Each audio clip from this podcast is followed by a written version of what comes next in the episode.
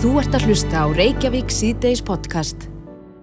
Já, við höldum áfram hér í Reykjavík síðdeis indislegt að horfa hér út um gluggan. Ég er eiginlega bara uh, frekar fúl út í sjálfa mig að hafa eiginlega ekkert verið utan dyrra í dag. Já, ég nýtti tækifærið í morgun, sko. Já, Ég sé að Bræði hefur gert það líka. Já, já. já, bræðir í stöpbuksum. Hann er í styrbuksum. En uh, við ætlum núna að fara að tala um, um íslenskuna, tungumálið okkar. Já, við, við elskum það en erum við of hörð við þá sem að koma hinga til að læra íslensku eða, eða aðra eh, fætta hér á uppalda sem að ná ekki almennilega tökum á henni. Getum við útiloka fólk uh, með því að krefjast þess að allir tali fullkomni íslensku? Já, það er spurning. Mm. Á línunni hjá okkur er Eiríkur Röggvaldsson, prófessor emeritus í íslenskri málfræði við Háskóla Íslands. Komdu sæl, Eiríkur. Já, sælverið því. Já, erum við að hör- hörð við þá sem að hingað koma og uh, já, vilja taka þátt í atvinnulífinu og læra okkar fögur tungu? Það er auðvitað misjönd, sko. Ég er nú áherslu á það að, að mér finnst mikilvægt að, að fólk sem kemur hingað til þess að, að starfa og, og búa að það læri íslensku. Það er, er mér mikilvægt bæði fyrir eh, fólkið sjálf til þess að komast betur inn í samfélagið og til þess að bara fyrir íslenskuna, fyrir varðveislu hennar og, og við viljum að íslenska sé aðal samskiptamálið í samfélaginu. Mm En, en það er náttúrulega sko ljóst að, að uh, hér verður, hér er fjöldi fólks sem uh, kann ekki, hefur ekki gott valdamálin og það verður þannig áfram og því heldur áfram að fjölga. Og við þurfum einhvern veginn að, að kunna breyðast við því og það sem að sko, það sem er náttúrulega mikilvægt er að, að hérna bjóða upp á íslensku kennslu, það sé hérna fólk eigi kost á íslensku kjenslu og, og, og það sé þá sko ekki gert ráð fyrir að fólk e, sinni hérna, sinni íslensku námi með fram fullir vinnu, það bara það gengur ekki upp. Það, það er mikið mál hérna, fyrir fullorðið fólk að læra nýtt tungumál og, og hérna aðtíliskáin er kannski ekki mikil sko eftir 8-10 tíma vinnudag. Nei. Eh, Það er nú eitt, sko, svo og, og, og við, við þurfum að, átt okkur að því að tungumálanám það tekur tíma, það tekur eh, hérna, jável þó fólk hafi góðan tíma til að sinna því, þá, þá tekur það fyrir fullofna, getur það tekið einhver ár að ná sæmilegu valdi á, á máli og, og, og, og hvað, hvað eigum að gera við fólk sko á meðan eigum við að, eigum við að útiloka það frá ymsu eða, eða eigum við að finna einhver á til þess að að það geti verið þáttakendur í samfélaginu meðan það er að ná þessu valdamálinu Mm og svo eh, sko er, er hérna uh, þar, þar fyrir utan að þá, þá þurfum við að, að hérna hafa meiri uh, þólimæði með ófyllkomin í íslensku. Sko við, við erum ég nátt sagt sko við erum svo vön því að, að Ísland sé svona einkengt samfélag. Það er ekkit, ekkit langt síðan útlendingu fór að fjölga hér og við vorum bara ekkit mjög vön því að heyra sko ófullkomna íslensku. Íslensku með erlendum hreim með raungum beigingum einhverju svoleiðis. Og við, við hérna uh, við erum, erum svona dálítið dómhörð held ég, gagvart því -hmm. og við þurfum bara að vera, vera þólumóri, við þurfum bara að, átt okkur á því að, að hérna, þó að fólk tala ekki alveg rétt og fólk halvi hérna, einhvern erlendar hreim eða, eða beigi skakt eða eitthvað svoleiðis að þá getur það alveg gett sér skiljanlegt, alveg bjarga sér í, í hérna í samfélaginu. Er, er það hluti að því að, að varðveita íslenskuna að lefinni að þróast og vera ekki svona hörða og allt sé fullkomið? Já, já, sko, ég held að það sé bara, ég held að það sé bara óhjákvæmilegt, sko, í þessum heimi sem við lifum í, ef við, ef við hérna, ef við gerum sko omikla kröfur, ef við eh, sem sagt krefjast þess að íslenskan sé alltaf fullkominn, þá eh, verður það bara til þess að pæla fólk frá því að, að, að tala hana. Mm -hmm. sagt, og það, það er náttúrulega mjög oft sem að hérna útlendingar segja það já, hérna, að sko, Íslandingar þeir skipta strax yfir í ennsku mm -hmm. þegar þeir heyra að maður talar ekki, ekki íslenskuna alveg fullkomir og, og þannig að, að útlendingar kvartunda því að þeir fá aldrei æfingi að tala málið af því að íslendingar skipta yfir í ennsku Akkurat, en, það, það, það náttúrulega gengur ekki sko. já, en, en eigum við að leiðir þetta ef ég er að tala við einhvern sem er að Erlendu bergibrótinu og er að reyna sitt besta að læra íslensku og beigir vittlust eða, eða er ekki alveg með fullkomið vald á tungunni eh, eigum við að leiðir þetta til þess að reyna að kenna Sko það er svolítið, það er svolítið erfitt að, að, að hérna, svara því eitt getið fyrir öll. Hérna, eh, vegna þess að fólk eh, sko, hefur mjög misafna afstöðu til þess. Sumir, sumir útlendingar sem er að læra máli þeir vilja mjög gerna. Eh, öðrum finnst það óþægilegt og, og hérna, mann þarf bara einhvern veginn að, að reyna að komast að því. Sko, ef þetta er fólk þetta er fólk sem maður sko þekkir ekki og umgengst lítið bara sko hittir í eitt skipt og fer að tala, tala eitthvað við það þá, þá finnst mér nú eh, kannski ekki rétt að vera leiðrætt að hins vegar ef að þetta er fólk sem þekkir umgengst oft þá finnst mér eða bara að spurja er þið viltu láta leiðrætt þig mm. og, og hérna og bara fara eftir því sem fólk segir Mitt. en hérna en svo heldur líka sko eitt sem að sé mjög mikilvægt að gera það sé að skilgreina sko uh, þá íslensku kunnáttu sem að skiptir máli fyrir tiltekinn störf. Vegna þess að, að hérna að, að það eru þetta mjög mísand sko uh, eftir, eftir eðli starfsins hversu miklu máli íslensku kunnáttan skiptir. Það hérna uh, hún skiptir náttúrulega meira máli í alls konar svona afgræðslu og þjónustutörfum mm -hmm.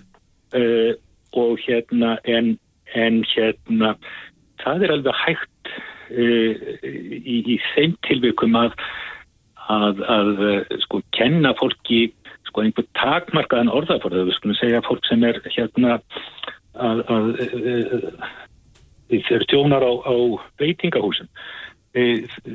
Það þarf kannski hitt óskaplega mikinn orðaforða til þess að geta geta synd viðskiptaðinum á íslensku mm -hmm. og, og ég, sko, ég held að við ég við mættum hugsa þetta aldrei sko svona praktíst að velta fyrir okkur sko, hvað, hvað, hérna, hvað þarf fólk að kunna í þessu starfi getum við skilgreynd að hvernig, hvernig hérna, sjáum við til þess að, að hérna, fólk geti uh, lært á íslensku þannig að það var á að halda fyrir þess að vinna þetta starf. Mm, já, þú skrifaður á Facebook hérna með vísan í aðtunauðlisingu eblingar þar sem að fari fram á íslensku kunnáttu í þeim störfum sem verða að auðlisa Mm -hmm. um, gerum við á mikið af þessu að vera að krefja fólki allskynstörfum um að kunna nokkuð góða íslensku þráttur eða þurfum við kannski aldrei að hafa samskipti á því tungumáli? Sko ég, ég, ég veit það ég þór ekki að segja um það svona almennt séð en, en uh, sko ég held, held eins og er að, að það skiptir máli eins og segja að við, uh, að við hérna uh, skoðum þetta áður en að hérna, áður en að farið er að auðlýsa eitthvað starf að þá, hérna, þá veldi auðlýsandin því fyrir sér sko hvers, hvers eðlis þetta starf þarf, þarf uh, þessi starfsmöður uh, að, að við hverja þarf hann að hafa samskipti? Er það bara uh, staðsfélaga sín á vinnustafnum eða er hann að sinna þjónustu við almenning og, og, og hvað hvaða íslensku kunnáttu þarf hann að hafa til þess? Þarf hann að, að hérna kunna málið alveg svona upp á tíu, skulum við segja eða dugir að, að hafa einhvern takmarka vald á, á, á, á málinu? Sagt, eh, til dæmis í þessari eflingar auðlisingu þá var gerð krafa um íslensku og einsku kunnáttu bæði í, í töluð og reytuðu máli uh, spurningin er, er, er sko það eru auðvitað margt fólk sem getur alveg bjarga sér ágætlega sko á íslensku, að tala íslensku þó það uh, geti kannski ekki, ekki skrifat hana hérna almeinlega. Mm -hmm. Þannig að, að þetta, þetta er bara svona eitthvað sem að, sem að hérna mér finnst, finnst að þurfi að, að skoða. Akkurat. En, en Eirikur, nú er, er stökt síðan að þú gafst út bókina Alls konar íslenska og kannski rétt aðeins í lokin. Hefur þú fengið já, viðbröð við því? Það var nú viðtal við þig í Íslandi í dag um daginn og þar var verið að tala um það að þú væri nú kannski lindur því að við hættum að Já, leiðir þetta fólk sem segir ég vill, mig langar, Mm -hmm. það var beðið mig um að fara. Jú, jú. Eh, Hva, Jú, hvað, sko. segja, hvað segja kollegar þínu við þessu? Þeir hafa náttúrulega hérna misafna skoðinu að þessu sko.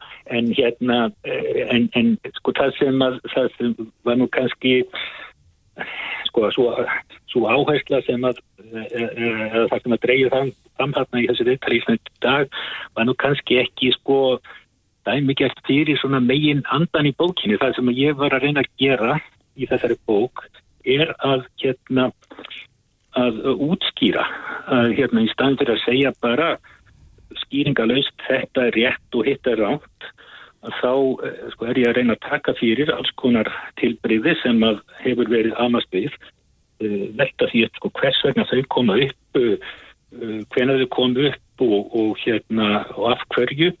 Og, og svo sagt gefa fólki, gefa lesendanum tækifæri til þess að bara meta sjálfur sko, hv- hv- hvað vil hvað vil hann gera, vil hann hérna halda sig við þetta sem hefur verið kjent að, að tiltekin tilbyrði síður áttmál eða uh, vil hann kannski endur skoða það eitthvað og, og, og sko það sem ég leik áherslu á er að, að sko, þó eitt sé rétt þá, þá þarf annað ekki endilega vera rámt Mm. það er alveg sko, málið þólið alveg að það séu tilbreyði það sé, hérna, ekki allir sem tala eins það er alltaf, alltaf verið þannig og, og hérna og það er bara uh, það er bara eðlilegt.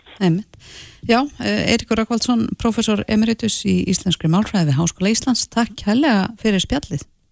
Takk svo með leiðis Þú ert að hlusta á Reykjavík C-Days podcast. Jæja, við höldum áfram hér í Reykjavík síðdeis og ætlum nú að snú okkur aðeins að sölun á Íslandsbanka. Það hefur verið ansi mikið að fréttum um þetta mál í dag.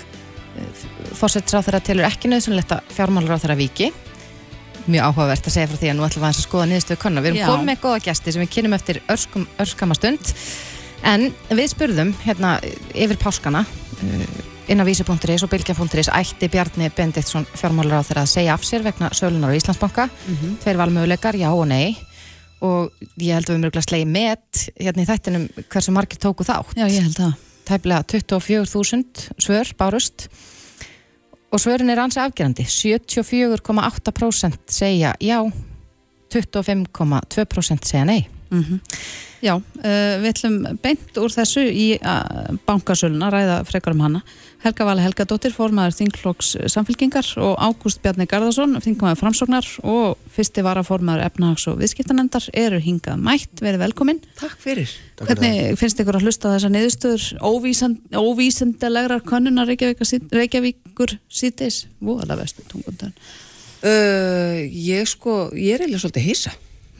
Uh, hérna af því að uh, maður heldur að maður lifi alltaf í svona búblu sem við köllum að, að, að bergmálshellirinn í, í kringum mann sjálfan sé mögulega mjög hávær og, og hérna en, en sé ekki svona hérna endilega uh, þverskurður af þjóðinni en, en, en þessar tölur eru eru sjokkerandi.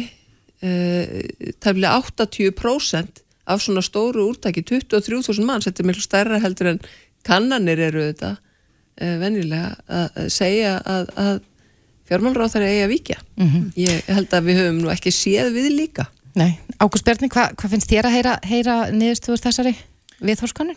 Já, við erum auðvitað, þetta máli búið að vera í umræðinu núna sístu dag og vikur. Og við erum auðvitað uh, að tala hér um ekkert svona hverstarslegt máli, svo má segja, við erum að tala um það um sölu á almanna eign, ríkiseign, ríkisbanka uh, sem er í raun og veru um að segja með viðkvæmt mál og það þarf að vanda vel til verka uh, og það þarf að ríkja mikið tröst á því ferli og og það tröst sem að var kannski í fyrri sölu uh, í júni hvernar í fyrra eða hitt í fyrra, í fyrra uh, það virt- virtist að skapast tröst á því ferli en, en það tröst virtist að fjarað út núna í, í, í þessari framkvæmt uh, og hvort að þessi niðurstað koma eitthvað óvart. Ég held að það sé bara endurspegli þá miklu umræðu, umræðu sem að, og eðlilegu umræðu sem að sem málið hefur fengið sér stað. En þessar vendingar í dag hafa nú verið uppspretta ímessa skoðana á samfélagsmiðlum. það er að segja að eiga að setja bankasýsluna af, eða ríkistjórnin segja það, uh, stjórnar andstæða vil að þing komi saman og taki þessa ákvörðin í sammenningu og, það verðist vera að uh, hluti almennings sé algjörlega búin að missa þráðin um það hver ber eiginlega ábyrðin út að það er eins og boltanum sé bara svona henda á milli mismunandi aðila, embætta og svo fjármálaráðara Ég held kannski sko að í þessu þá verðum við að líta til þess að við erum með bankasýsluna sem er uh, bara samkvæmt lögum, armslengt auðvitað frá stjórnmálum og, og, og uh, sem sagt uh, fer með þennan eignar hlut í, í, í hérna, fjármálafyrirtækjum fyrir hönd, hérna, fyrir hönd ríkisins. Og uh, ég held í, í raun og veru að það sem að kom í fréttum í dag um það að, að það væri þá til að stjórnarinnar um að, að- um að hérna, eh, sagt leggja af bankasýsluna sé bara svar við því ákalli að það þurfa að styrkja styrkja alla þessa umgjörð heildar umgjörðin í kringum þessi mál ég hef svo sem aðeins verið að velta því fyrir mér og hugsa það því maður hefur heyrt á umræðunni að, að þetta sé ekki nóg ég held að við séum með það meir en að skiptis upp í tvent. Það er annars vegar reglífin, það er þessi þáttur í okkar regluverki sem fer með þennan eignar hlut og síðan er það framkvæmdinn á sölunni. Og ég held að þau þurfi að, að skoða þessa þætti mjög vel. Helga vel að þú hefur sagt að, að, að sko ef að Bjarni hafi Bendiktsson fjármálur á þeirra hafi vanrækt skildur sínar um yfirferði yfir tillögur bankasýslum söluna aðferð og tilbóð ber honum að gangast við þeirri handvömm og víkja á rembætti. Já. Er þessi armslengt sem að, að er ofbáðslega mikið rættum ekki nú? Já, uh, nú held ég að við verðum að leiðrétta ákveðin miskiling sem að virðist vera ríkjandi hjá ríkistjórnaflokkonum. Ég heyri Ágúst Bjarni að tala um þetta hér og ég heyrði fórsetisráð þegar að tala um þetta í dag og hef heyrt fleiri fulltrúa ríkistjórnarinnar tala um þessa armslengt við sölu á böngum. Uh, þetta er miskilingur. Uh, armslengdin er uh, varðandi það að pólitíkin á ekki að vera í daglegum rekstri fjármálafyrirtækja. Það, er, er innihald lagana að, að, að bankasýslan annars þennan rekstur varðandi sölu meðferð á uh, fjármálafyrirtækjum í eigu hins ofinbera þá eru um það uh, sérstök lög og þar er algjörlega niður njörfað uh, að bankasýslan á að annast svona umsýslu um þetta en það er fjármálar á þeirra sem að tekur ákvörðin um hvaða aðferð eigi að nota, hvenar eigi að gera það. Þegar bankasýslan kemur með ákveðra tillugur þá er það hans að samþykja eða hafna þeim tillugum. Uh, þegar að búið er að fara í einhvers konar útbóð og komin tilbóð að þá er það fjármálar á þeirra sem á að segja já eða nei við tilbóðunum. Þannig að, að bankasýslan er bara, framkvæmdaraðalinn, er bara fólki á gólfinu. Það er ráð þeirra sem ber ábyrð á þessu og þar er engin armslengt. Það er ekki bankasýslan sem tekur ákvörðin um að samþykja tilbóð hvaða leiðir eru farnar uh, og, og, og svo framvegis. Er- það er- er fjármálar á þess að gera það samkvæmt lögum, það er alveg skýrt og þessi armslengt hún á við um rekstur fjármála fyrirtækjana. Bara til þess að við höfum það alveg á hreinu. Ef að Bjarni Benditsson, fjármálar á þeirra, hefur ekki verið að sinna þessu hlutverki sínu sem er algjörlega skýrt í lögum, þá er það vanræksla og ráð þeirra bara víkja ef hann vanrækir svona mikið skildur sínar. Er það það er bara samkvæmt uh, lögum um ráð þeirra ábyrð. Er það ábyrðin öll hans? Er ábyrðin er hans, ótvírætt. Já. Þú, uh, þú, þú Hún alltaf- er það bara. Meina, það er bara þetta að lesa lögin, það er þetta að lesa greinageð með lögunum, þetta er alveg skýrt. En, en Ágúst Bjarni, þú varst að segja bara hérna rétt á hann, ef ég skilði rétt, að þetta sé á herðum bankasýslunar. Er, er Ég- lítur þau þannig á það ef að bankasýslan ég- að þá er þetta bara já. leist eða hvað? Nei, sko ég lít svo á það að, framkvæmdin með þessari sölu hafi verið á höndum bankasýslunar og það sem að uh, var gert í dag eða, eða gert tilagum að það var að það þurfi í raun og veru eins og ég myndi skilja þetta að, að styrkja umgjörðina bara í heild á þessu um, einmitt til þess að auka uh, gegnsæi í þessu, þessu ferli og ég myndi líka lega mér að segja að, að, að semst, upplýsingagjöf uh, þess aðila þá bankasýslunar eða nú bankasýslunar og, og, næst eitthvað annars til þingsins þurfa að vera mun skýrari og ítalegri heldur en hún var kannski í þessu tilfelli. En hvernig sjáum við hvernig sjáum við þá fyrir okkur þetta fari núna? Ef að bankasýslan verður lögð af þing kemur ekki saman fyrir í næstu viku ef að allt helst óbreytt e- erum við bara í pattstöðu og, og, almenningur býður og 75% þeirra sem að svara okkar kannun vilja sjá breytingar? Já, já, ég held að við munum áfram krefjast þessa fjármálar á þeirra uh, bara uh, hérna uh, já, svona síni ábyrð og, og viki ég held að svo krafa sé ótvírætt uppi og ég, ég held að, að það sé svona samhljómur meðal meira hluta þjóðarnar um þetta.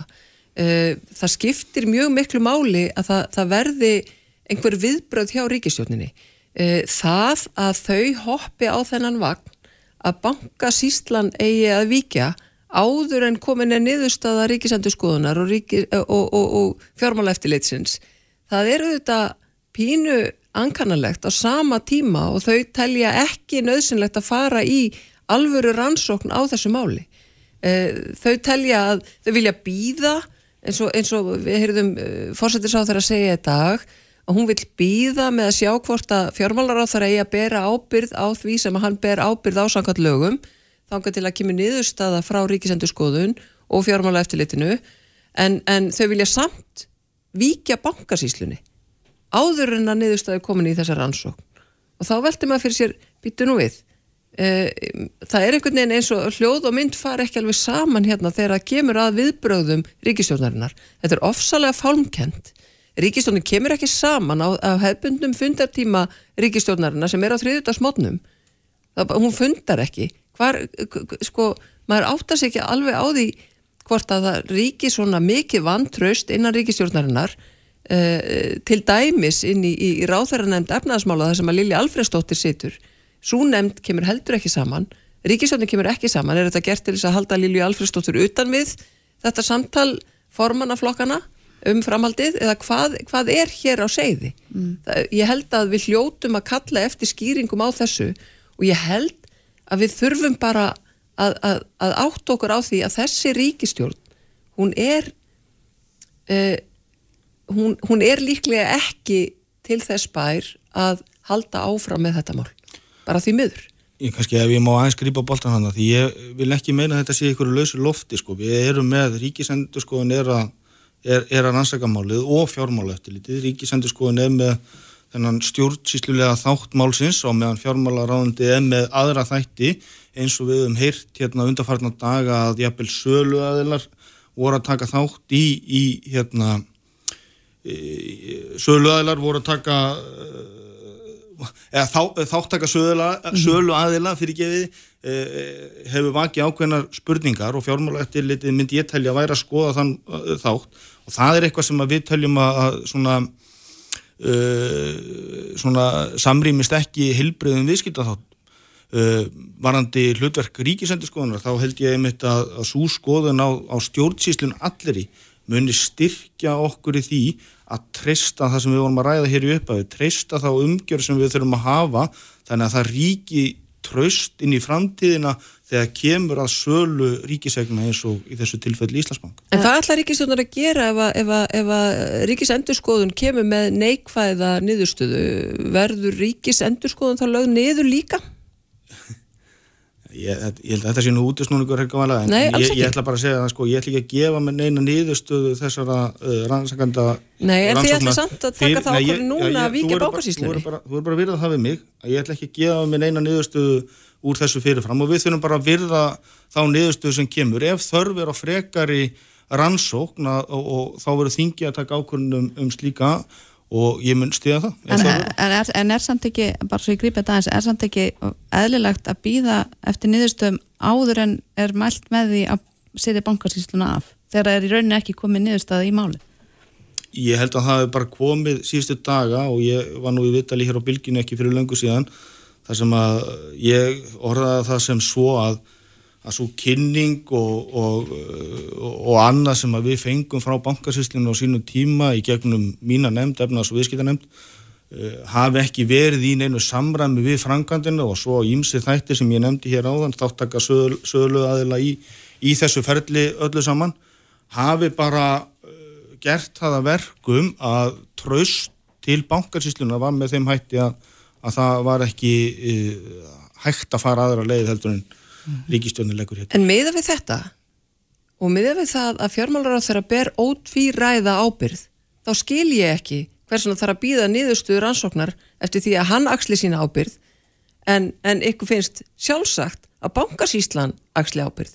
Það skil ég ekki. Ef, ef ykkur finnst svona ótvírætt að þessi framkvæmt hafi ekki verið eins og nátt átti að vera það er algjörlega kýrskýrs að, að, að fjármálar á þeirra bera því ábyrð, hann, hann skrifar undir hann samþykir tilbúðin það er hann sem að eh, hérna, fer yfir þetta allt saman, það er bara laga ákvaði eftir laga ákvaði hversuna þá býða niðurstöður ansóknar þegar þetta likur allt svona ljóst fyrir að mati ríkisvöldunflokkana Ég meina, ég get bara svaraði eftir ég lít svo á að frankandin með söluna hafi verið á höndum bankarsýslunar og ég svo get endur tekið svar með hérna sem kom með á þann, vanandi það að hann... svo kynning, ef ég fæði klára svarið helgála, að, að svo kynning og annað sem við fengum frá bankarsýslunum til efnaðs og viðskiptunumdar uh, og framkvæmdinn að þetta hafi bara ekki, ekki verið að fara alveg saman. En framkvæmdinn ásér ekki stað nema fjármálar á þeirra kvitt upp á sko. Þa, það er bara þannig. Þeir fara ekkit af stað með neitt nema að það líki fyrir undirskrift fjármálur. Mm -hmm. En, en uh, nú hefur líka verið mikið rætt um, um mögulegar sprungur í samstæður rí,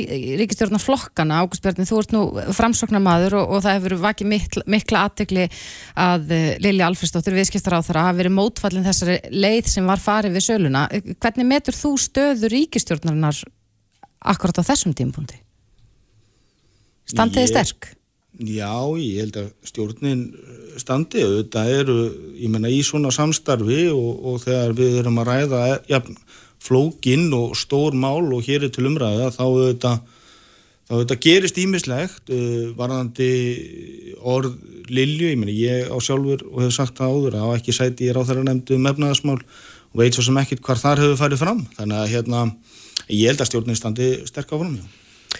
Það var svolítið aðteglisvært í síðustu viku þá, eða þar síðustu viku þegar Lili Alfredsdóttir kemur fram og, og segist hafa gaggrínt þetta og hafa verið mjög evins um þessa framkvæmt og það er aðferði sem átt að, að, að við hafa við sölu á þessum hlut almennings í bankanum uh, að uh, henni var mótmælt kröftulega bæði af, af, af fórsættisráþara sem og samflóksmanni hennar, heilbyrðisráþaranum Viljum Þór Þórsinni sem að, sem að bentu bæði á að hún hefði ekki látið bókaneitt. Í dag hins vegar kemur fórsættisráð þeirra fram og segist sjálf hafa líka verið með evasemdir, uh, gaggrinnisrattir, uh, bæði í ráþæranemdum efnaðasmál og á ríkistjórnarfundi og uh, ræðir það núna og þá velti mig og segir svo að lokum en að, að, að lokum ákvaðum við í saminningu að fara þessa leið. Og það veltir aðeins fyrir sér. Uh, hvers vegna hún tekur það ákvörðun þar að segja fórsettis á þeirra í síðustu viku að mótmæla harkalega orðum Lilju Alfredsdóttur viðskiptar á þeirra og menningar á þeirra þegar að hún tekur svo undir það núna að hafa einnig komið fram með gaggrinnis orð mm. uh, og maður velti líka fyrir sér ábyrðir á þeirra að vekja aðtikli á þessum vangaveltum sínum áður en málið er klárað inn í þinginu mm -hmm. af hverju sögðu þessi ráþærar forsættisráþara og viðskiptaráþara ekki múk ekki múk þegar var verið að kynna þetta fyrir þingheimi í aðdraðanda sölunar hvers vegna var það? Hvar leikur ábyrð þeirra þar? Já, þetta mun líklegast uh, Það er ekki í... hægt að henda þess í bankasísluna sko. Bankasíslan er bara skrifstofa sem átti að annast skjalagerð mm -hmm. en, en við erum bara alveg að falla tíma einna, mér langaði aðeins að minnast á það að, að stjórnan anstöðuflokkarnir hafa núna kallað eftir því að þing komi saman eh, í hvað ferli fer það? Hvernig munum við vita hvort að þing munu koma saman fyrr en áætlað er? Já, ég bara vænti þess að við fáum viðbröð frá fósættisáþara með þetta. Það er í rauninni hennar að, að óska eftir því við fósætta alþingis að þing verði sett og við vonumst þess að við getum bara mætta morgun mm -hmm. ég, þetta páskaskjól ríkistjórnarinn er orðið alveg passlegt við þurfum að, að, að koma saman og ræða þetta þetta er graf alvarlegt mál, þetta eru mörg þúsund miljónir sem að fóru þarna í súgin sem að, sem að og aðgerðin öll uh, og ég bara við munum ekki linna látnum fyrir að þetta verður ættin í þinginu, það er bara þannig. Nei. þó að ráð þeirra einhvern veginn svona séu í skjóli Mm. Tímin er naumur, náttúrulega. Það, Já, svo kemur frí kring, kringum sveitastunarkostingar og svo kemur bara um er, sömafrí. okkur er gert saggat lögum að fara í leifi e, í tvær viku fyrir sveitasjóna kostningar við megum ekki vera í pontu þá að, að arga þrasast þannig að Já. við verðum að koma saman núna ondtafar. Já, vonandi skýrist þetta frekar setn í dag, uh, senastalega morgun. Helga Vala Helgadóttir og Ágúst Bjarni Garðarsson, takk hjálpa fyrir komuna. Takk. Takk fyrir.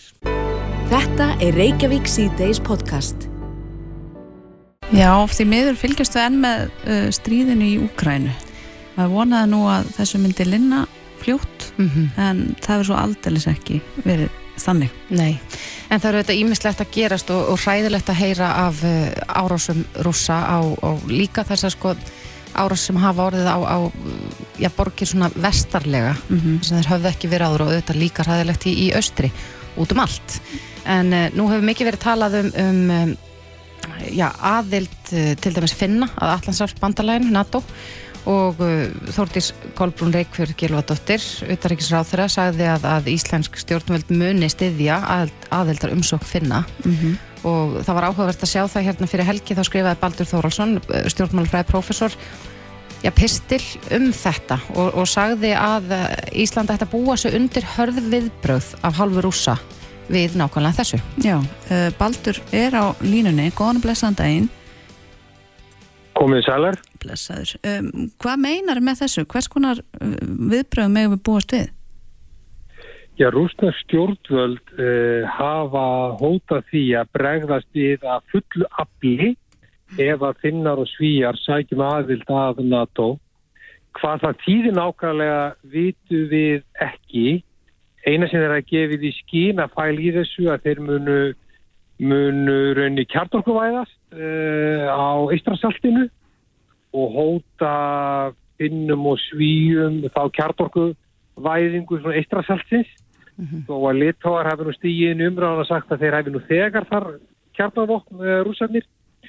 En það sem ég ávið með þessu er að sko, Ísland bara eins einfallega að það er eitt Norðurlandana eitt allafarsbandalagsríkjana það getur alveg eins orðið fyrir e, þessum refsiaðgjörðum rússa eins og önnur ríki Norðurlandana allafarsbandalagsins og þess vegna held ég að sé bara mikið vægt fyrir bara öll ríki í vestur Evrópu að huga að því hvað hugsanlega Rúsland gæti gert og Ísland er ekkit eiland í þessu sa sambandi og þess vegna mikið þetta við hugum líka þessu málum. Já, þú segir hér að það með velta fyrir sig hvort að Ísland sé veikast í hlekkurinn í varnarkæðju NATO, hvað, hvað áttu við með því? Erum við, er við berskjölduð eða berskjaldaður að einhver leiti?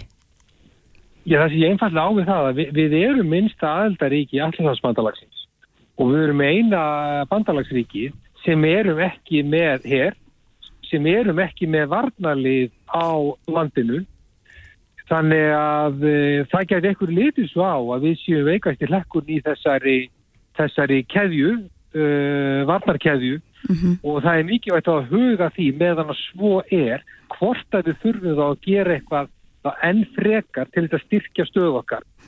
Og ég hef talað fyrir því að sé mikilvægt að sko, Íslands stjórnvöld sko, metið að byrji sjálfa að meta það. Hver er varnarþörfin fyrir Ísland? Og að þeirri vinnu lokinni tökum við viðræðu við okkar bandalagsríki um hvernig vörnum Ísland skuli best átta. Mm -hmm.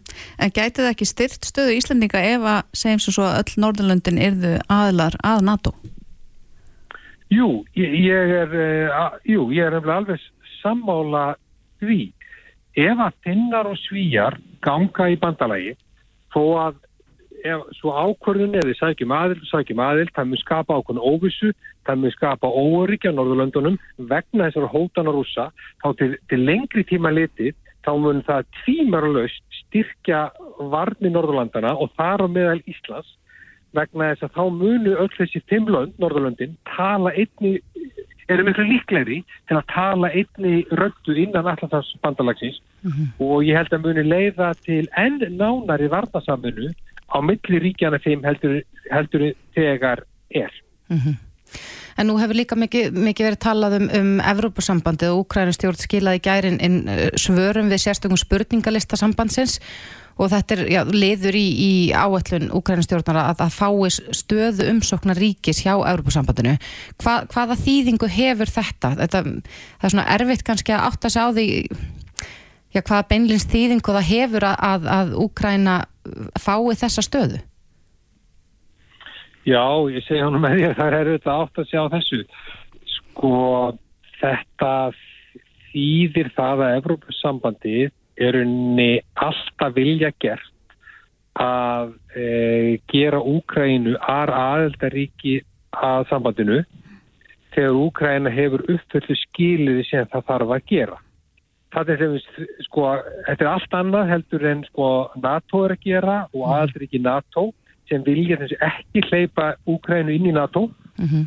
Það er Evrópussambandið hins vegar að segja þið eru hjartalega velkomin í sambandið þegar þið hafið uppfyllu skiluði sem þurfuð að gera mm. og þá að gefa því þessa stöðu umsóknar ríkis það styrkir svona eitthvað stöðu þeirra en það er samt breyti það voða litlu varðandi stríðið eða eða, já, eða stríðið ef eitthvað er þá mun þetta bara pyrra Putin og ráðum inn í krem ennþá meira hvað strísreksturinn varða mm -hmm. en sko ég held hins vegar að sko að aðild úkvæðinu að Evropasambandinu verði ekkert uh, á næstu missurum ég held að muni taka eitthvað á mm. það var eitthvað mikið að gera innan Evropasambandinu eða Evropasambandinu ætlar að fara að samþykja úkvæðinu inn á þess að það uppfylli skil lögsamband og geta takið það lög og reglur sem öll líkið þurfa að gera. Ég bara sé ekki fyrir mig hvernig, hvernig Úkræn ætlar að gera það og Evrópusamveit ætlar að gera þetta. En, en ég held að þetta sé nú eitthvað langu prósess. En þetta er ákveðin skilabóð vantalega, frekar en, en eitthvað annars. Skilabóð, þetta eru klárlega skilabóðum það að Úkræna tilheyrir hennu vestrannu líðræðislu ríkjum. Úkræna er að virða líðræði og marréttindi sé eitt af þeim ríkjum í vestur eða bara í Evrópu sem gerir það og sem eigi heima í Evrópu fjölskeldunni. Mm -hmm. Það eru skilabóð til úgrænsku þjóðarinn sem er við að senda og líka þá raunin til ráðamönnum, ráðamönnum í, í Kreml.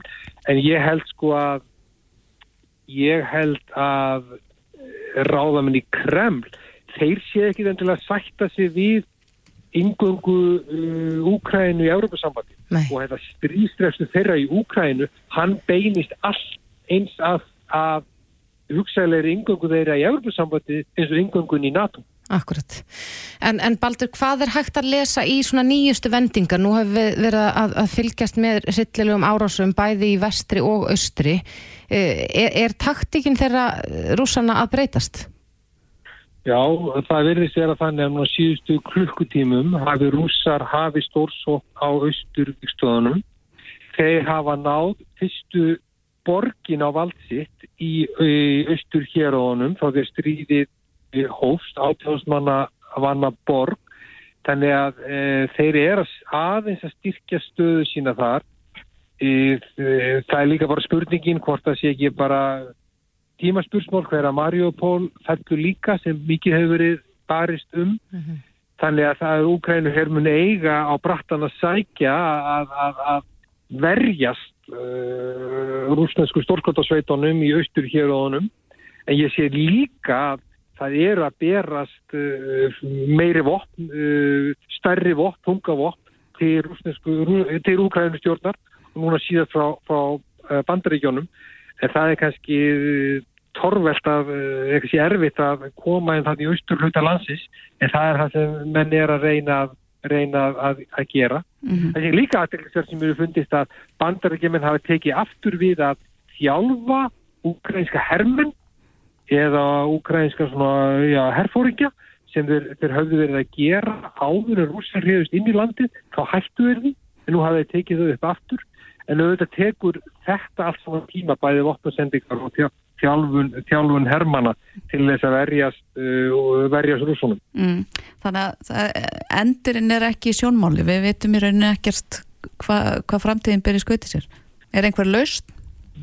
Nei, það er því miður ekki neinn löst sjáanleg og þetta stríð gæti varað í þó nokkra mánuði ef, ef, ef ekki ár. Mm -hmm. e, Rúsa hafa ekki, já mínum að þið sínt neitt vilja til þess að setja að samningaborðinu í, í einhverju alvöru. E, sko Úkrænufósiti hefur gefað skipt í skín hann sé tilbúin að ræða að landi verður hlutlust að vísu setur hann að fyrir var á að hann vil að, að það verður aðkvæði þjóðaratkæðagreyslu hvort að landi verður hlutlust ekki sem sem þjóðum held ég myndi nú ekki samþyk, samþykja mm -hmm. en hann er kláðlega búin að leggja hérna spilin á, á borðið og tilbúin að ræða hlutleysi sem ég held nú að væri kannski ástæða til þess að skoða betur. En vandin að, að semja við ráðamenn í Kremla það er bara ekkert að marka það sem þeir segja. Nei. það er ekkert að marka sem kemur út úr samleika við ræðan við þá. Það er það sem alltaf menn óttast það er náttúrulega úgrænistjórn óttast Já, en Baldur, eitt af því sem hefur verið aðeins rætt hér og, og, og stjórnar anstaðan hefur nú verið að, að ræða um er sko hvers vegna við höfum ekki sendt uh, já, skýr skilaboð með því að, að reyka rúsneska sendiherran úr landi og við erum nú eina Norrlanda þjón sem hefur ekki gert það. Uh, er, er, já, hva, hvað afleðingar myndi það hafa ef við myndum gera það? Svona rétt að lókum? Ég mér skil sko að sko ef að við, ef Íslands stjórnvöld eh, senda e, rúsneska sendiherran og rúsneska sendir og starfsmenn úr landi þá er það e, hefð að svara í sömu mynd, rúsneska stjórnvöld að sama í sömu mynd og senda í, þá, í starfsmenn Íslandska sendiráðsins mm -hmm. og Íslandska sendirinn í Moskvu til Íslands og þá er sendiráðið í Moskvu óstarfhæft, það er bara eins og það fáið sem starfa í sendiráðinu og menn hafa metið að svo á Rauðaróstík í Íslensku útverkisraðanitinu að það sé með mikið vægt að hafa, hafa að, star, að, hérna, að sendir á þessi starfandi í Moskvu til þess að aðstóða Íslendinga sem er, eru í Rúslandi og kannski einhverja rúsa sem er að sækjast við að, aðstóð í Íslenska sendiráði. Þannig að það er aðeins floknara fyrir Ísland að senda rúsneska e, sendarástarfsmenn úr landi heldur fyrir önnu ríki þar sem eru með ykkur flerri starfsmenn. Mm -hmm. en þeir geta alveg sendt 5, 6, 10, 20, 30 starfsmenn tilbaka en það er að halda grundvallar e, starfseminni áfram. Og hvað sem má nú segja um framfældi rúsa e, og rúsneska stjórnvalda í Ukrænu þá er mjög mikilvægt að halda talsambandi við stjórnvalda og ef það sé ekki neitt talsamband eftir þá er náttúrulega ekkit eftir nefn að byssukjaftur þannig að e, það held ég sé mjög mikið vakt að geta en þá tala og skipsta skoðunum við, e, við ráðaninn í krem þó að manni líka ekki e, e, það sem þeir gera þó að svo vakt sér til orðateki Já, við komstum mér ekki lengra í dag en kæra þakkir fyrir að fara yfir þetta með okkur Baldur Þóraldsson, stjórnmálafræði profesor við Háskóla Íslands. Takk kærlega. Takk ykkur, takk ykkur verið yfirleis Þetta er Reykjavík C-Days podcast. Skipulagsmálinn hér í borginni verða eflaust mikið til umræðu næstu vikur. Það eru nokkrar vikur í sveitistjórnarkostningar. Uh, Dagur Björgisson, borgastjóri, gaggrinir orð sem að Einar Þorstensson, oddviti framsóknarflokksins, létt falla í samtali við morgunblæði. Einar vill meina dagur miskili sig og þeir eru báðir komnir hingað, komið sælir. Já, já. Já, já, kannski byrjum á, á þér eh, Einar, eh, þú skrifaði grein, var það ekki svo leiðst, þú skrifaði grein í? Ég var bara spurður hvað mér þætti um, um, um húsnæðismálin í borginni og, og hérna fór ég við það með morgunblæðinu mm -hmm. og það byrstist í morgun og, og dagur verist ekki hafa verið búin að fá sér kaffibotlan sinn held ég þegar hann las þessa uh, frétt vegna þess að hann miskipti allt sem að stóði í, í þessu vittarli held ég. Dagur, Hvernig bregst þú við því að þú hefur miskilið orð einars í, í þessu viðtali? Ég, ég held ég þurfi svo sem ekki að bregða sérstaklega við því en, en uh, ég fagnar því eins verið að, að hérna, fá ræðis í mál. Uh, sko, staðan og húsnæðismarkaði er náttúrulega með ákveðnum ólíkjendum. Við hefum farið á alveg rosalega stuttum tíma 2019 var að Sælabankin við offrambóði mm -hmm. og vísa sérstaklega til þess að það sé mjög mikið að byggjast upp Eh, í Reykjavík á eftirsóttum stöðum og, og fleiri tók undir þetta og, og byggust við að þetta eru mjög lengi einhvern veginn að seljast. E, það seldist samt e, svona jöfnum og góðum takti svo eftir COVID að þá e, í raun þurkast fastegnamarkaðurinn upp af eignum, ekki bara Reykjavík, heldur öllu höfuborgarsvæðinu og reyndar öllu landinu. Sama sjáum við hérna viðaðum heim og, og þá er spurt hvað, hvað þetta er ráða. Við höfum verið að vinna í hægin hjá borginni þannig að við gátum kynnt núna nýlega á fundi að við treystum okkur til að, að tvöfalda það frambóð uh, sem er af lóðum til uppbyggingar uh, á hverju ári í næstu fimm ár. Uh, þá skulum við hafa í huga að síðustu fimm ár hafa verið algjör met ári í uppbyggingu í borginni uh, höfum verið að koma inn á markaðinni við þúsund íbúðir sem er tvöfalt svona eitthvað langtíma meðaltal. Þannig að við erum byrjun að búa okkur undir það sem ég hef kallað áratög Reykjavíkur í, í húsnæðisuppbyggingu. Það sem mér fannst eh, einar hérna, aðeins mistiga sig í var að hann horfði á þetta, ok, hvað á ég að segja aðrandakostning og hann velur að segja, herruðu, ég ætla bara hérna segja eitthvað bara miklu meira og til viðbótar við þessu fjölmörgu svæði sem við erum að fara með uppbyggingu þá fyrir hann að nefna svæði eins og Geldinganes og, og hérna svona svæði eh, sem liggja utar. Eh, og ég var einfallega bara að vara við því að það tekur lengri tíma að byggja upp þessi svæði heldur en þau sem eru nú þegar tilbúin. Ef við förum fyrst í þessi svæði áður en við tengjum þetta með borgarlínu og almenningssangongum þá veldur það miklum stíplum í umferðinni vegna þess að fólk sem mun búa á þessum svæðum mun nota miklu breytun og þess að sömu stopnaði til að koma til og frá vinnu þá með bíl ef að það er ekki komið borgarlína. Og í þriðja lagi að þá þá erum við ekkert að setja fram þessar áallanir svona bara að því bara. Við erum búin að liggja fyrir þessu uh, með samstagsæðilum, öðrum sveitafélögum, greina þetta út frá samgöngur, lofslagsmálum og svona og við getum ekki bara að tekið lofslagsmarkmið og hendum í körfuna og sagt hérna, nú er að koma kostningar, ég ætla bara að segja eitthvað, vegna þess að það hljómar vel. Þannig að já, ég var kannski svolítið harður en miskilningur, það held ég ekki við. Nei, sko, málið í grunninn er það þannig að ég náttúrulega er bara að varpa ljósi í þessu uh, viðtali við morgunblæðið á þá að grafa alveglegu stöðu sem er upp í, í höfuborginni að, að það vantar íbúðir og fastegnaverðið hefur uh, hækkað um næstu í 30% síðan uh, 2020 og bara held í 4% í, í, í. Uh, það er orðið uh, vonlaust fyrir meðaltekki fólk að, að kaupa uh, það ekki verið höfuði hérna í borginni og uh, Sæðlabankin uh, talar um þetta, fjármálastöðuleikar nefndin talar um þetta uh, og það sjá allir að það er vegna þess að það er skortur á íbúðum. Við sjáum að Hagstofan er að mæla það hvert fólk er að, að, að- flytja uh, og nú er svo nýbreytni að, að það eru fleiri að flytja úr höfuborginni út á landsbyðina heldur en af landsbyðinni til höfuborgarinnar og mest er aukningin á Suðurlandi og Suðurnesjum. Og uh, það er fólk að flytja úr Reykjavík þangað. Og uh, ég skilða vel vegna þess að það er mjög dýrt að kaupa sér eignir í, í, í Reykjavík. Og það er alveg rétt að, að það hefur verið byggt talsvert uh, meira á þessu kjörtímabili heldur en uh, uh, áður. En þetta er alls ekki nóg Nei. og það er verið að, að, að byggja dýrar íbúðir í, uh, á dýrum reytum sem að, að, gera það verkum að, að, að fastegna verið keirist upp.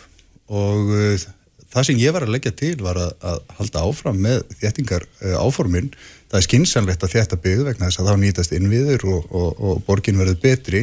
En það þarf að gera meira til þess að bregðast við þessu neyðarástandi sem að er í, í, í höfuborginni Og og þá, talar og um þá, þá, þá nefndi ég til dæmis uh, Kjeldnalandið sem er hluti af samgöngusáttmálanum og, og sami var um að, að, að yrði selt þannig að, að uh, fyrirtækið betri samgöngur fengju 15 miljardar til þess að fjármagna borgarlínuna og um, mér þótti skrítið og hefur þótt skrítið lengi að, að borgin skuli draga lappirnar í því að, að skipurleggja það land vegna þess að það líkur bara beint fyrir að, að það er, er hægt að gera það. síðdeis og en svo nefndi ég líka að því að það var minnist á það uh, Geldinganesið sem svona framtíðar músík spennandi uh, byggingarland þegar sundabrautin kemur og það vita það allir að hún verður ekki tilbúin fyrir 2031 minnum mig En Dagur, þú sagðir í, í, í pislið þínum á, á Facebook að, að eh, Einar var að bóða mestu dreifingu byggða sem heyrst hefur af. Eh, Er það eh, þessir, þessir tveir staðir sem þú að það nefnir? verið miskilningurinn sem að, að Dagur lendi í, hann, hann leitt svo á að ég væri bara að leggja til að það er byggt á gildi Geldingarnesi og Keldnalandinu sem er náttúrulega uh, villis að vegna þess að hann veit að,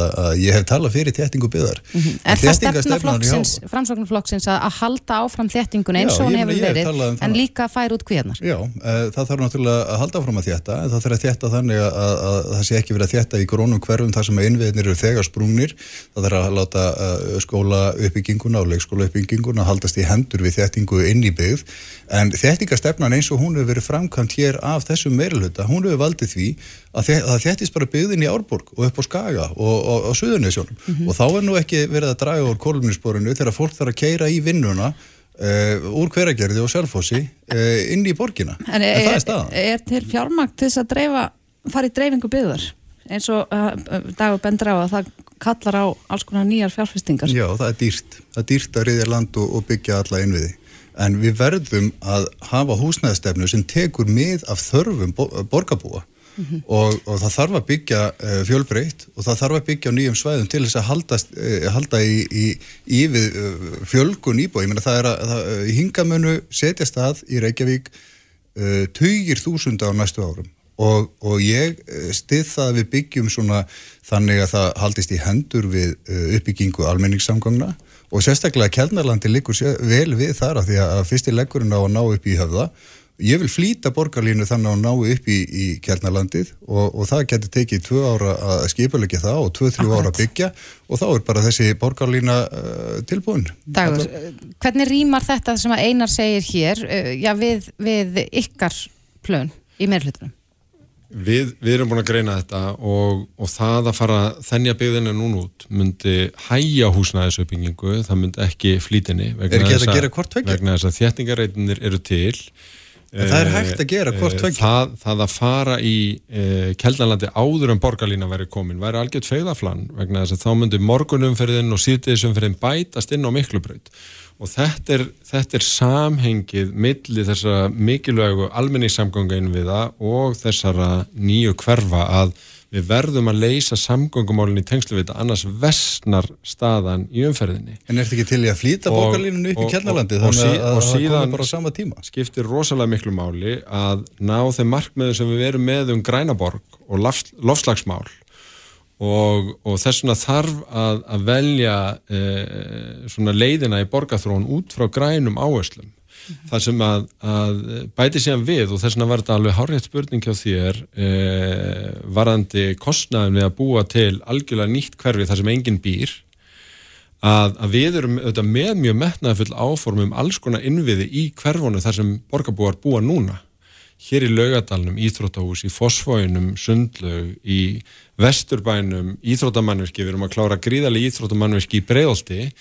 E, þessi áform hafa jáfnvel verið gaggrind fyrir að vera of umfóngsmikil og fjárfestingaáallunin of stór en, en ef að ef að þá núna að setja höfuð áherslu á ný hverfi í geldinganesi eða annar staðar sem enginn býr, að þá er hægt við því að hvað? Já, það verið dreigið úr áherslum á þetta og ég hef fundið á, á fundum mínum í öllum hverfum borgarina undarfarið að, að íbúar er að kalla eftir því að við tímasetjum og förum í þessi verkefni og við höfum verið að stilla upp þannig áallunum þannig að, að, að e, málflutningur um kúvendingu En- á í hvaða átt borgin er að þróast eru líka skilabóðum að það er ekki að fara að fjárfesta í hverfunum okkar heldur í nýjum hverfum þar sem enginn býr. En er hægt, að, er hægt að, einar spurðinu hérna, er hægt að flýta, færa borgarlínuna nær Kjeldnalandinu ef að ákveðið yrði að fara í uppbyggingu þar fyrr en, en, en kannski áallað er? Já, við erum að ræða það við betri samgangur uh, hvað er raunhæft að, að tímasetja varðandi uh, setni áfanga borgarlínu? Tengingin upp að keldum er í setni áfanga. Uh, en það er auðvitað háði að, að borgarlínan yfir ellu og fyrir nýja hverfi sem ennu alveg jafn stort eða fjölmennt verið jafn fjölmennt og garðabær í ártunshöfða uh, tengist en, en, en þetta eru þá fossendurnar og, og þess vegna er svo gott að fá að ræða þetta í aðeins lengra máli vegna þess að svo mikilvægt að átt að sá því að þetta er hildar samhengi húsnæðismálin, staðsynningar framtíðar íbúða eh, samgöngumálin að það virki fyrir alla þá sem vilja nota almenni samgöngur sem eru gríðalega margir og við erum ekki að sinna þeim nægilega vel. Við þurfum borgarlínu til þess. Þeir sem vilja ganga og hjóla, við viljum gera aðstæða þeirra betur en það er líka mjög mikið hagsmunumál fyrir þá sem ætla áfram að keira bíl að við, að við þróum ekki og staðsetjum hverfi þannig að, að nýju íbúðinni þar bætist inn á miklubreytina á mótnana eða setjumpartin skiljið að, að það bara umferðarkerfi springi og greiningarna sem við gerum í þessum stóru flóknu skiplasmálum Mhm. ganga út á að leysa þetta allt saman. Og það var það sem að ég var að gera aðdóðasendi við þegar mér fannst hérna, einar alltaf gangabísna svona hérna, bratt um gleðina dyr.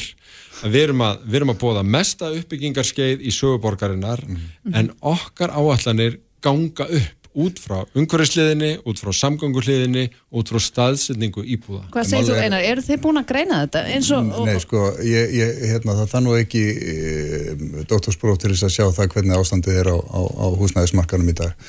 Og uh, greiningarnar mættu kannski taka bara miða af raunveruleikanum vegna þess að, að, að þú talar um það dagur að, að 2019 hafið Selabankin uh, vara við því að það væri að verða offrambúð þannig var vá nýfallið og, og það var óvisa í efnarslífinu ferðamannu fækkaði og þeir vöruðu við því að, að og bent á það að aðeins fjórðungur nýra íbúða í miðborginni hafði selst. Þrýr fjórður voru óseldir.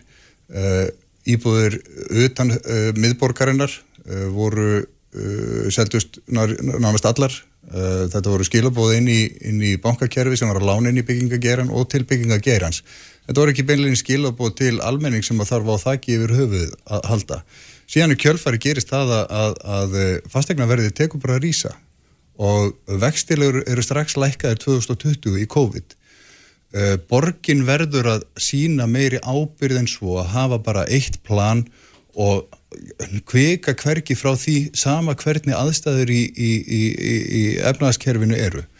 Það myndaðist mikill þrýstingur og þá hefði átt að slá í klárin, segja, mm -hmm. heyrðu, förum hérna í fleiri svæði, uh, gerum það skinsanlega, ekkert að panikbyggja eitthvað eða enga kúvendingar, heldur bara auka magnið og það verður við að gera núna á næsta kjörtímanbili, sama hverjum það er að kenna hvernig ástandið er, en uh, það verður að uh, hjálpa fólki að, að, að búa við eðlilegan uh, húsnæðismarkað. Mm -hmm. Það er miður að við höfum ekki meiri tími þess að ræða þetta ég held að við þurfum bara reynilega að fá ykkur hérna aftur til þess að ræða skiplarsmálinn ofan í kjölinn en, en... Sa, Sami hópur á morgun eh, en ég vil samt bara benda á að Reykjavík er eina sveitafélagið Þa, það er stærst fyrir, það er eina sveitafélagi sem er búin að bóða áallunum tvöföldun á lóðum sem eru til útlutunar og ráðstöfunar á næstu fimm árum. Það er góðbyrjun? E, já, það er góðbyrjun og, og það sem gera þarf og, og þetta eru ábyrgar áallanir sem eru raunsæjar fyrir utan það sem, að, sem við tökum þá næst ef við hittumst að Reykjavík er búið að vera í algjöru fórustu við að byggja yfir tekjuláhópa yfir stúdenda og, og eldriborgara sem eru en önnu sveitafélag hafa sendt síður Þannig að, að því að við viljum húsnæðismarka fyrir alla. Já, en vandinn að skortstefnan gerir það verkum að þeirra þá hækkar verðið og þá getur enginn gerð. Það gengur ekki. Það er aftengingin við jafnaðarhjóksjónun að það bjóðu ekki lóðir. Þannig að hérna, það er nú jafnaðarstefna. Einar Þorstinsson og Dagbjörg Ekkersen, takk fyrir þetta. Þið haldið áfram frammi. Takk fyrir. Takk. Reykjavík síðdeis á Bilginni podcast. Já, uh, bestadeildin uh, í fókbalta hósti gerðkvöldi á leik Vikings Reykjavíkur og FH og það fór mikil umræða stað á samfélagsmiðlum í, í kjölfar leiksins þegar Martin Hermansson, landsinsmæður í kvörubólta týsti um að hvort eðlegt væri að menn sem væri undir lögrannsók væri byrjanliði liðs í bestu deildinni og vísað þar í leikmann FH Egert Gunnþór Jónsson. Akkurat, uh, rannsók lauruglumálunu er lokið og, og máli fór í framhaldinu til ákjærsviðs lauruglunar og þaðan sendt til hérasaksóknar undir lok síðasta mannar en hefur ekki þó komið fram hvort að ákjæra verði gefin út í þessu máli. En þær eru komna til okkar Þórildur Gíða Arnarsdóttir og Huldarhund Sigmundsdóttir í öfgum, komið sælar. Sælar, hæ við sáum það í, í gær að meðlumir auka voru einni að taka átt í umræðinu um að það hefði verið ítrekka bent á þetta og reynda að fá einhver viðbröð frá FH. Já, ef við kannski förum, þórildur, förum svolítið yfir ferli sem við höfum verið að vinna af síðust áttum mánu mm -hmm. þá sem sagt uh, setja meðlumir auka út tvít í lok ágúst í fyrra og segja að meintur gerandi í hópnugunamáli sé björnulegða FH og sama dag, eða bara tveimu klukktum setna sendir FH út yfirlýsingu þess efnis að þau fordæmi allt ofbildi og, og Eggert tekin úr byrjunarliðinu. Og Pepsi tekur hann Eggert úr auðlýsingarferðinni sinni. En uh, síðan heldur Eggert áfram að þjálfa í barnastarfinu. Og við fáum ábendingar frá uh, fóreldrum innan ræða FA um það hann sé að þjálfa börn. Og þá taka einstaklingar sig saman og senda tilkynningar til barnavendar hafnifjörðar og barnavend sendir það mál áfram til menta og líðhilsusviðs sem hefur ekkert við þast í málunni síðan er samskiptaráðgjafi og samkvæmt heimildum stundarinnar hefur þá einstaklingur sem að tengist FH og barnastarfinu um, samband við samskiptaráðgjafa og það er í lok desember. Og samskiptaráðgjafi ítir á eftir því að fá já, samskiptaráðgjafi sem sagt tekur við málinu og sendir til síðanemdar FH Mhm. og það fer á borð þeirra í, í janúar þessu ári. Eh, 10. mars ítir samskiptaráðgjafi eftir því að fá svör hver, hvernig málinn standa hjá síðanemnd FH og 14. mars gefur síðanemnd FH út á yfirlýsingu að þau munu ekkert viðhafast í málefni ekkerts fyrir en að Ólimpíusamband Íslands sé búin að koma með ákveðna reglugerðir fyrir mynda gerendur í hópnöðgunarmálum sem eru rosalega dýra leikmenn og góður að sparki í fótbolta þannig að þetta er svolítið og svo nýjasta útspil FH er að setja þennan myndageranda í byrjunarlið FH Mhm. En, en sko, nú eins og við fórum hérna yfir hana að þá, þá hefur ákjær ekki verið gefund í málunu nú, ég held að, að það séu allir flestir sammála um það að, að manni finnst þetta eitthvað skakt. Um, svo vægt sér til orðatekið en, en hvað ef, af því ég veit að þið hafið verið að berjast fyrir réttlæti og berjast fyrir þólendur að hvað ef að ákjær er ekki gefin út í málunu er, er þá eitthvað hvernig bregst maður við sem bara almenningur Sko það er náttúrulega bara mikilvægt að gera sér grein fyrir að þótt að ákjara sér gefin ekki, ekki gefin út að það þýðir að maðurinn sé saklaus. Það þýðir raun bara réttakerfi okkar er brotið. Og það er mjög mikilvægt að gera sér grein fyrir því og eins og við höfum tekið fram að þá FH hafa gefið út að þeir standi með þólundum að fordama ofbeldi. Fordama ofbeldi og þeir hafa það í síðarreglunum sínum að þeir vilja koma í veg fyrir að ofbeldi gerist innan þeirra ráða. Já, ráða. og svo erum við náttúrulega með KSI líka sem eru ofnbörlega að gefa út yfirlýsingu að þeir standi með þólundum. Afstafa FH er mjög skýr, þeir standi ekki með þólundum meða við allt sem við erum búin að vera að reka hér um, og það er náttúrulega bara, sko, ég held að þurfi bara að hérna spurja svolítið KSI út í þetta af því að það er mjög augljóst að FH er ekki viðræðu, viðræðu hæfir Nei, mm. því að meðlumir öfka hafa haft samband við framkvæmdastýru FH sem að sagði á sínum tíma að þau gæti ekki vitast í málinu að það, þau var ekki búin að hafa uh, lauruglan var ekki búin að ringja í þau láta þau vita hvar máli stundar lauruglan er nú ekkit minni bestu vitund ringjandi í íþróttafjölu og segja þeim þetta búið var þá í fjölmjölum reglulega og daglega hvar Mhm. málefni Eggers og Arons stæðu þannig það FH er svo sannanlega búin að kasta þessu frá sér á hinni að þennan aðilan í átta mánuði Kom það eitthvað óvart að uh, ekkert væri í byrjunarliðin í gerkvöldi? Nei. Nei, í raunin ekki. Nei. En það er samt afskaplega sorglegt að hérna, sérstaklega mitt bara verandi þólandi að, að, að finna þetta að það sé ekki hlustað og að þetta sé afstæðan. Mhm. Hún sé ekki með manni og það er bara mjög mikilvægt að KSI bregðist við og síni að þeir standi með þólandum eins og þeir segja í sinni yfirlýsingu í fyrra. Mhm. Líka á sama tíma og málefni hans er í vinslu hjá lauruglunni hans Eggerts, að þá er hann að þjálfa börn innan ráða FH á þessum aldrei eru það kýr skýra að þau geta séð allt sem er að gerast á netinu og vita nákvæmlega hvað mál Eggerts standa Mm. horfa síðan á hann sem fyrirmyndinu sín og sjá að FH er ekki gera neitt Þannig að þið viljið núna að KSI stíði inn í og láti Já. sér heyra. Ég, er, já. Ólimpíusambandi Og bara ISI líka. En finnst ykkur þetta, nú hafið þið verið lengi í þe- þessari baráttu, um, finnst ykkur eitthvað hafa breyst? þegar stórt er spurt Já, það er stórt að spurt. Eru Kannski- málin að þóka, og út af því að ég held að, að almenningur allavega telji svo vera að það sé að, að, það sé að þókast í þetta átt. Já, það, sko við sáum það þegar að uh, mál hans daðafreis uh, var í gangi að þá steg hann sjálfur til hliða og maður spyr sig af hverju þau eru að halda ekkerti inni, af hverju það er ekki reynd að fá hann til að stiga til hliðar. Ef, út að- ef við út að spyrja okkur út og stuðningin í þjóðfélaginu jú, hann er vissulega meiri. Maður finnur að, að fólk trúir í meira mæli þólendum uh, en eins og staðin er það í réttarkerfinu að þá nær það skamt stuðningurinn ef að réttarkerfið okkar er að brotið á þeir Er, er fótbalta heimurinn, heimurinn sérstaklega viðkvæmur þegar kemur á svona málum? peningar náttúrulega stjórna heiminum eins og, eins og fólk veit. Því miður Þeir virðast eiga erfiðara með að taka skýrar afstöðu í fótboltaheiminum er mín skoðun Já. eins og staðan er í dag. Brokkar einsla. Já, það verður forvitnilegt að fylgjast með því hvort að- að eitthvað þókist í rétt átt í þessum öfnum en Þóruldur Gíða Arnarsdóttir og Huldarhund Sigmundsdóttir, takk kærlega fyrir komuna. Takk. Hlustaðu hvena sem er á Reykjavík C-Days podcast. Já, uh, hér áðan mættu Helga Vala Helgadóttir uh, og Ágúst Bjarni Garðarsson við vorum að ræðum Sönlabanka á Íslandsbanka. Akkurat, uh, ríkistjórnin ákva, hefur ákveðið að leggja það til við alþingi að bankasísla ríkisins verði lögð niður og innlegt verði nýtt fyrirkomulega til að halda utanum eigin hluta ríkisins í fjármála fyrirtækjum. Uh, Bankasíslan hefur nú gefið frá sér yfirlýsingu í dag líka og, og sagt að, að þau líti svo á að framkvæmdan hafi verið í fullu samræmi við vilja stjórnvalda. En Bjarni Bendiktsson fjármálar á þeirra er á línu hjá okkur, kom til sæl.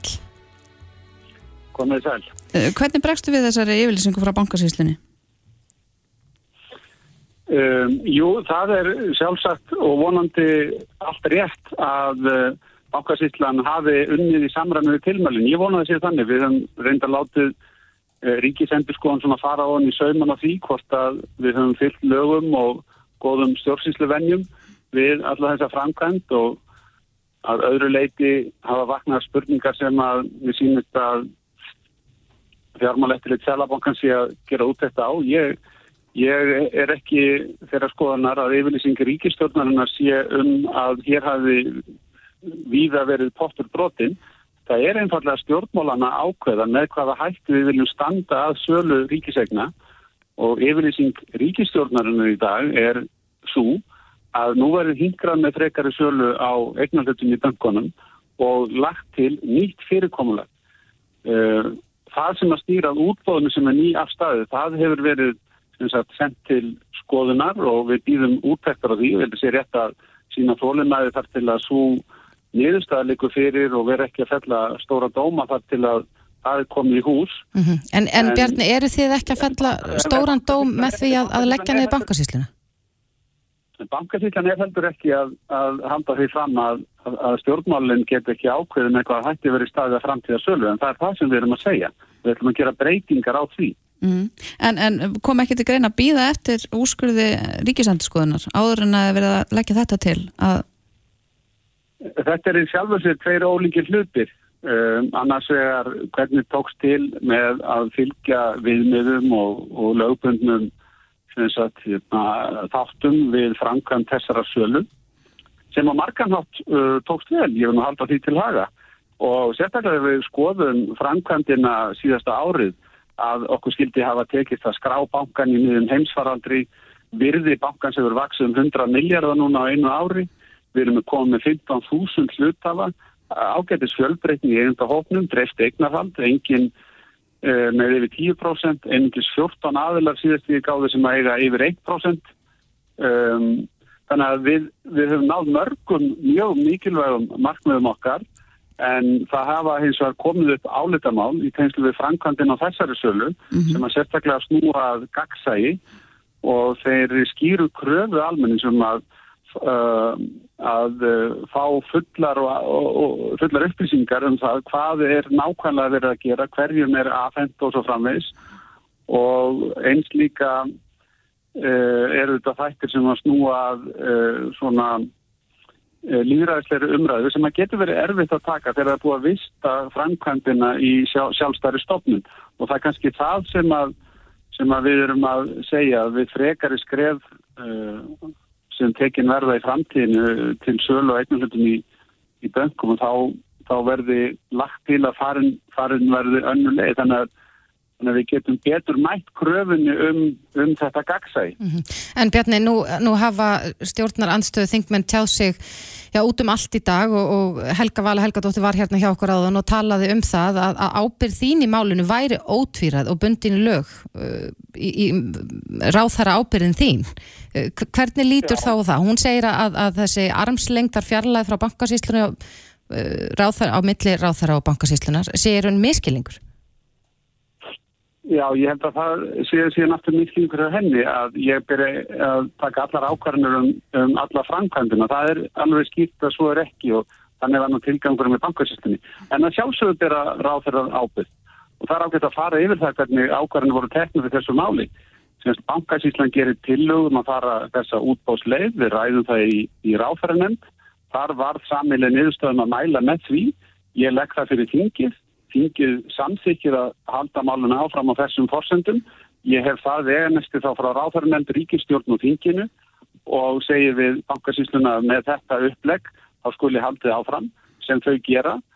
Og ég tek síðan að lokum ákvörðun um útbóðsgengið sem að þau uh, lögðu til við mig og ég félst á þá tillögu og svo lögðu þau upp með útlutun eftir ákvörðun viðmiðum og viðteknum vennjum á hlutabriðarmörkuðum sem að ég sömulegði samþýttu. Auðvitað ber ég ábyrð á því en stóra spurningi sem að þú sagði mér ekki er, er, er sjálf og svo sko hvaða brot er það sem að uh, Helgavala telur að ég er bera ábyrð á? Mm, þá náttúrulega við hefum eftir að fá uh, úttekt vantarlega í júni. Það já, einmitt, sko, það, það, það nefnilega eitt að tala um sko það að þú sett ósámála ykkur en annað að tala um ráðferða ábyrð. En, en segjum sem svo að við fáum úttekt hér í júni sem síni bara alveg lögbrot eða vannrækslu eða hvað sem það verður. Uh, Myndu þá segja af þér? Það er algjörlega útilokað að tjá sig svona út í loftið um eitthvað sem að mögulega verður ekkert en síðar. Það, það fyrir allt eftir aðstæðum og fórsöndum sem að þámunni byrtast. En skilur þau Bjarni sko reyði samf í, í samfélaginu, það voru nú mótmæli fjölmenn mótmæli núna um helgina, skilur þau að, að almenningur, já kannski ég treystir ekki lengur uh, stjórnvöldum fyrir svona aftrjáríkum ákvörðum með, með, með sko ríkisegnir? Já, þess vegna er það nú sem að við formennir erum að leggja til að það verði hægt á þessu ferli. Við stöðum frekari sölu á, á, á, á hérna, hlutabröðum í böngunum Við tökum ferlið allt til endurskoðanar, skoðum aðferðafræðina, förum sérstaklega ofan í sauman á því sem hefur sætt mestri gaggrinni og auðvitað skilji það að þegar að, það vaknar svo tilfinning að uh, það sé ekki, ekki fullt jafnræði varandi aðgengi að útbóði eins og ég, ég hef heilt haldið fram í þessu tilviki. Uh, þá, þá sýnir ég ekki að sjálfsögðu fullna skilning vegna þess að jafnræði er eitt af því helsta sem að við uh, þurfum að passa upp á. En að móti kemur að þá höfum við með opin augun með afkomu alþingis meðal annars ekki ákvörðunum að beita fyrirkomulegi þar sem að um, reynd var að selja 50 miljardar frá því að marka er lokuð þar til þeir eru opnuð aftur næsta morgun og uh, í því fyrirkomulegi fælst ákveðin um, óvisa um það hvernig tekst til að vekja áhuga allra eða aðtikli allra þess vegna höfum við í yfirlýsingunum það er meðal annars verið að tala um svona upplýsingagjöf og kynningu og, og það sé eitt af því sem hafa kannski verið ámælisvert. En það er ekki þar með sagt að það sé lögbrot. Mm -hmm. Stjórnarandstöðu flokkarnir vilja að allþingi komi saman fyrr úr páskafrí. Telur það líklegt? Ég ætla ekki að segja neitt til um það. Mér finnst nú á, uh, engin ástæð til þess að kalla þing saman í dag eða morgun sko. Við erum að funda á mandaginn og uh, stjórnaranstæðin eru þetta alltaf á háa síðan og með alltaf hóknum síðan. Það er ekkert nýtt í því. Uh, það mun gefa skóður tíminn til þess að ræða þetta mál og við munum uh, ekkert gera því til þess að trengja möguleikum þingsins til þess að fjalla um málið og fara ofan í sauman og því. Mm. Þetta á móti að ég frumkvæði því bæði að byrta gögn sem að bankafíslan hafi lagt gegn því að ég myndi byrta og, og sömulegis óskæði ég eftir því að ríkisendur skoðan myndi skoða þetta Mm -hmm. og um, mér hefur nú oft fundist að, að það væri mjög djúst á því hjá stjórnarnarstöðinni að, að gangast við því hver, hvernig svona heldar niðurstæðin í þessu máli hefur verið góð. Þetta er á margan hátt uh, óska staða sem við erum komið með eftir, eftir þessar, uh, þessar uh, tvær aðgerðir, skráninguna þáttöku almennings, greiðu eignarhaldi fjölbreytning í eigendahófnum og þessi gríðalega virðisaukning sem hefur orðið þá því að við skráðum. Þegar skráningin einn og sér er fórsendu þess að við höfum notið þessara miklu virðisaukningar. Það munnar aldrei sem það að bankin hafi hækkað um 100 miljard á einu ári. Mm. En það er nú ekki bara uh, þingmann stjórnarandstöð sem hafa gaggrind þetta ferli, heldur líka stjórnarliðar og margir gangur svona að segja að þetta sé bara reyndum eitt klúður.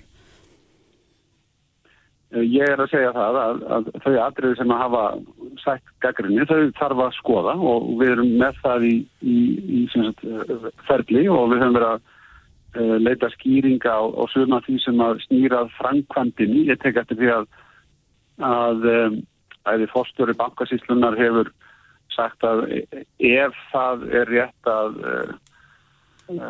sölu aðilar hafi ekki náða að gæta hagsmunna árastrum þá sé það alvarlegt og eins hefur kom, hafa komið spurningar um það hvort allir þáttakandir í útbáðinu hafi verið hæfir og það sé til aðtugunar og það er ekki nema eðlegt að, að fólk spyrja þessu.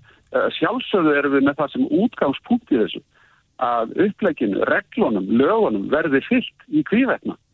Það er algjört grundvallar atriði og, og, og á engin að klóra sér í höstinu yfir því að þingmenn hvort sem þeir eru í stjórnarnættu eða í stjórnarliðinu um, bendi á það og þetta er bara eitthvað sem er algjört grundvallar atrið í mínum huga. Mhm, En telur þú svo vera, Bjarni, að, að öllum reglum og lögum hafi verið fyllt við, við söluna á, á þessum hlut í bankanum? Sko, ég ætla ekki að úttala með það þegar það er til skoðunar. Ég hef ekki séð neitt ennþá uh, sem, að, sem að segja mér að lög hafi verið brotinn. Ég, ég hef ekki séð neitt og, en, en við getum ekki starfað áfram í, í einhverjum skugga þess eða í einhverjum vafaðan það. Þess vegna er þetta til skoðunar. En uh, ég finnst nú mikilvægt líka að halda hinnu til haga sem að, sem að vel hefur tekist til með sem að er þetta sem ég var að nefna á þann að, að við stendum að því að koma bankanum úr ríkisegu, koma þeim á markað, koma fjölbreytti eignarhaldi á hann og þess að virði hans myndi vaksa og það hefur allt gengið mjög ánægulegtir og svo gríðarlega virðisaukning er að létta ríkisjóði mjög þau verkefni sem hann stendur í núna um þessa myndir. Mm -hmm. Emitta, uh, Bjarni Bendisson, fjármálarar, takk helga fyrir spilli. Sömulegis. Reykjavík síðdeis á Bilginni podcast.